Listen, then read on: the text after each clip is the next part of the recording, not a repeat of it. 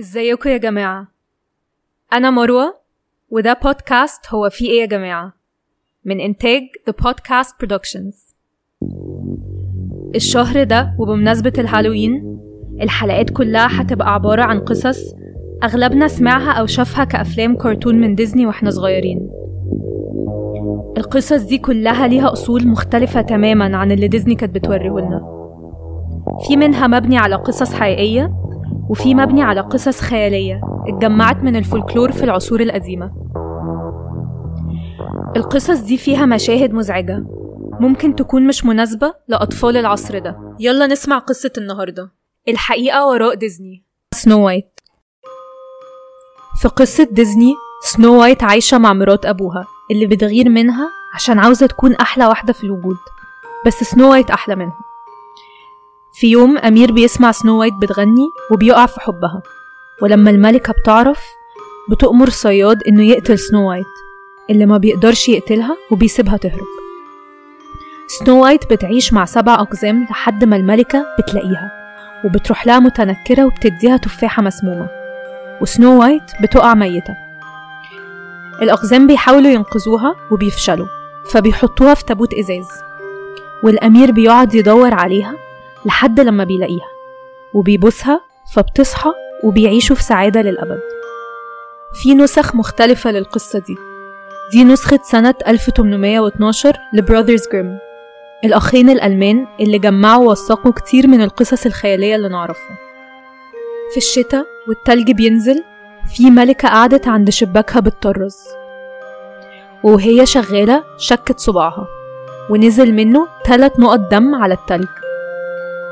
أما شافت الدم الأحمر على التلج قالت لو بس كان عندي طفلة بيضة زي التلج وحمرة زي الدم وسودة زي خشب الشباك الأسود. لما ولدت بنت بنفس المواصفات سمتها سنو وايت. الملكة كانت أجمل واحدة في المملكة وكان عندها مراية سحرية كل لما تبص فيها تسألها مرايتي يا مرايتي مين أجمل واحدة في الوجود؟ والمراية كانت بترد انتي أجمل واحدة في الوجود. سنو وايت كان جمالها بيزيد وأما كان عندها سبع سنين بقت أحلى من الملكة نفسها. وجه اليوم اللي الملكة سألت المراية مرايتي يا مرايتي مين أجمل واحدة في الوجود؟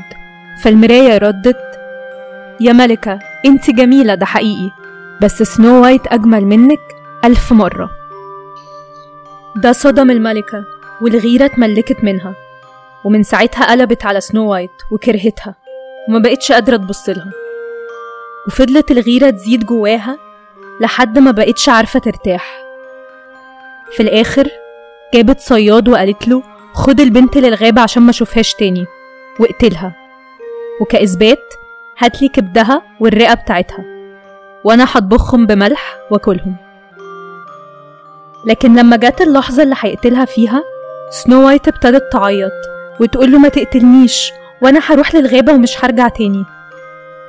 الصياد أشفق عليها وسابها تروح لأنه كان فاكر أكيد الحيوانات هتاكلها. في اللحظة دي عدى خنزير بري فقتله وخد كبده ورئته واداهم للملكة اللي طبختهم وأكلتهم. الطفلة المسكينة لقت نفسها وحيدة تماما في الغابة وكانت مرعوبة حتى من أوراق الشجر. فضلت تجري على الصخور الحادة وبين الشوك طول اليوم لحد ما الليل جه ولقت بيت صغير فدخلت تستريح فيه. كل حاجة فيه كانت صغيرة جدا بس كان جميل ونظيف. كان فيه ترابيزة عليها سبع أطباق وسبع كوبايات وكان فيه سبع سراير جنب الحيطة. سنو وايت كانت جعانة جدا فأكلت من كل طبق حتة ومن كل كوباية بق وبعدين لقت نفسها تعبانة فقعدت تجرب كل السراير لحد ما استريحت في السابع ونامت. لما جه صحاب البيت اللي كانوا سبع أقزام ولعوا سبع شمعات والبيت نور وابتدوا يلاحظوا حاجات غريبة. كل واحد فيهم سأل على الحاجة اللي متاكلة أو مستخدمة عنده وفضلوا يدوروا على السراير لحد ما لقوها على السرير السابع. أول ما شافوها قالوا إيه الطفلة الجميلة دي؟ وما كانوش عاوزين يصحوها فسابوها نايمة للصبح. وأما صحيت لقيتهم لطاف معاها وسألوها إيه اللي حصل لها فحكت لهم كل حاجة. فقالوا لها لو خدتي بالك من البيت وطبخت لنا وغسلت لنا هنخليكي تقعدي معانا وهنخليكي مش محتاجة حاجة. فوافقت وقعدت معاهم وخدت بالها من البيت. كل يوم ينزلوا الشغل ويسيبوها ويرجعوا بالليل. وحذروها من مامتها وقالوا لها مع الوقت أكيد هتعرف إنك هنا ما تدخليش أي حد البيت. الملكة كانت مطمنة لأنها أكلت كبد ورئة سنو وايت بنتها. فراحت لمرايتها وسألتها مرايتي يا مرايتي مين أجمل واحدة في الوجود؟ فالمراية ردت يا ملكة انتي جميلة ده حقيقي بس سنو وايت اللي عايشة ورا السبع جبال أجمل منك ألف مرة. عرفت الملكة إن الصياد كذب عليها وكانت عارفة إن مفيش حد ساكن ورا السبع جبال غير السبع أقزام. وقعدت تفكر في خطة تقتل سنو وايت بيها لأنها ما كانتش هتهدى لحد ما المراية تقول لها انتي أجمل واحدة. اتنكرت كست عجوزة وعدت السبع جبال لحد ما وصلت بيت السبع أقزام وخبطت وقالت سلع للبيع سلع للبيع. فسنو وايت بصت من الشباك وقالت لها بتبيعي إيه؟ قالت لها معايا كورسيهات كل الألوان. فسنو وايت قالت أنا مش محتاجة أخاف من الست الطيبة دي. والست دخلت وقالت لها خليني ألبسك الكورسيه. وربطته عليها وفضلت تشد لحد ما النفس اتقطع عن سنو وايت. وقعت ميتة. لما الأقزام رجعوا شافوا سنو وايت على الأرض. وأما شافوا الكورسيه الضيق قصوه نصين وسنو وايت ابتدت تتنفس وترجع للحياة. لما حكت لهم اللي حصل قالوا لها الست العجوزة دي كانت مامتك. اوعي تدخلي حد تاني. لما أم سنو وايت روحت بصت في المراية وقالت مرايتي يا مرايتي مين أجمل واحدة في الوجود؟ وساعتها عرفت من رد المراية إن سنو وايت لسه عايشة. اتعصبت وقعدت يوم كامل بتفكر في خطة جديدة وعملت فرشة مسمومة واتنكرت بشكل مختلف وراحت تاني. بس سنو وايت ردت وقالت أنا مش مسموح لي أدخل حد. لكن لما الست طلعت الفرشة سنو وايت شافت لمعتها. ولقت إن الست غريبة ما شافتهاش قبل كده ففتحت الباب. الست قالت لها خليني أسرح لك شعرك. وأول ما حطت الفرشة في شعر سنو وايت ماتت. لما الأقزام رجعوا لقوا الفرشة وشدوها من شعرها وسنو وايت رجعت للحياة تاني. ووعدتهم مش هتدخل أي حد البيت. الملكة سألت مرايتها تاني ولما المراية ردت عرفت إن سنو وايت لسه عايشة. فساعتها قالت سنو وايت هتموت ولو كلفني ده حياتي. وراحت لأوضتها السرية اللي محدش بيدخلها وعملت تفاحة مسمومة. واتنكرت وراحت خبطت على سنو وايت. فسنو وايت قالت أنا مش مسموح لي أدخل حد الأقزام منعني فالملكة المتنكرة ردت عليها لو مش عايزة مش هقدر أرغمك. أنا ببيع التفاح ده هديكي واحدة تدوقيها. سنو وايت رفضت. فالست قالت لها لو خايفة هقطع التفاحة نصين وآكل نصها قصادك. انت خدي النص الأحمر الحلو ده. التفاحة كانت معمولة بحيث يكون النص الأحمر بس هو المسموم. ولما سنو وايت شافت إن الست بتاكل التفاحة بقت عايزة هي كمان تدوقها. فخلت الست تديها النص التاني ومع أول قطمة وقعت ميتة. الملكة رجعت مبسوطة وسألت المراية مرايتي يا مرايتي مين أجمل واحدة في الوجود؟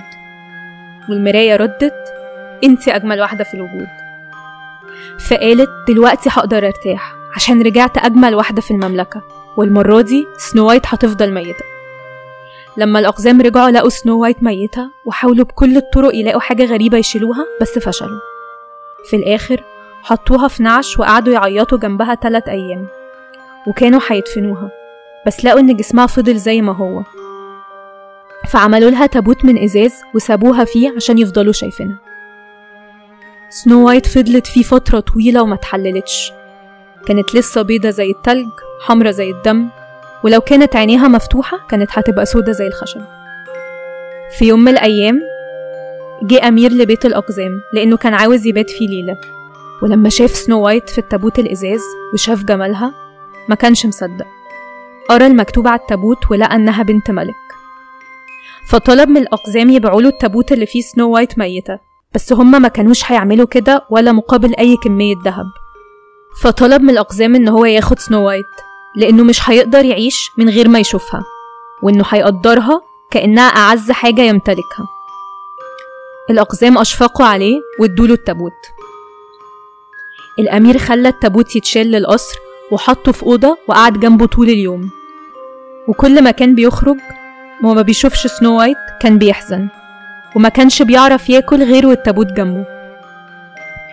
الخدم اللي كان عليهم يشيلوا التابوت رايح راجع عشان يبقى جنب الأمير زهقوا واتعصبوا في مرة واحد فيهم فتح التابوت ورفع سنو وايت وقال إحنا متبهدلين طول اليوم عشان بنت ميتة وضربها بظهر إيده.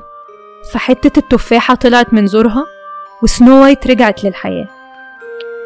راحت للأمير اللي ما كانش مصدق نفسه من الفرحة وقعدوا ياكلوا مع بعض في سعادة فرحهم كان تاني يوم وأم سنو وايت كانت معزومة.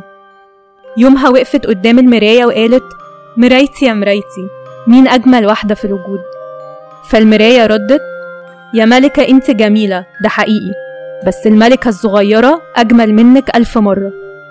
اترعبت أما سمعت كده وما بقتش عارفة تقول إيه. بس الغيرة خلتها تروح الفرح عشان تشوف الملكة.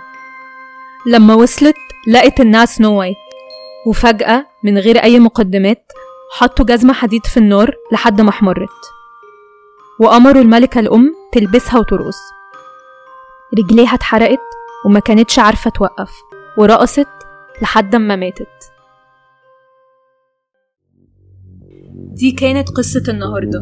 لو عجبتكم أو حسيتوا إنكم عايزين تقولوا هو في إيه يا جماعة يبقى ما تنسوش تعملوا like و subscribe و share واستنوا القصة الجاية.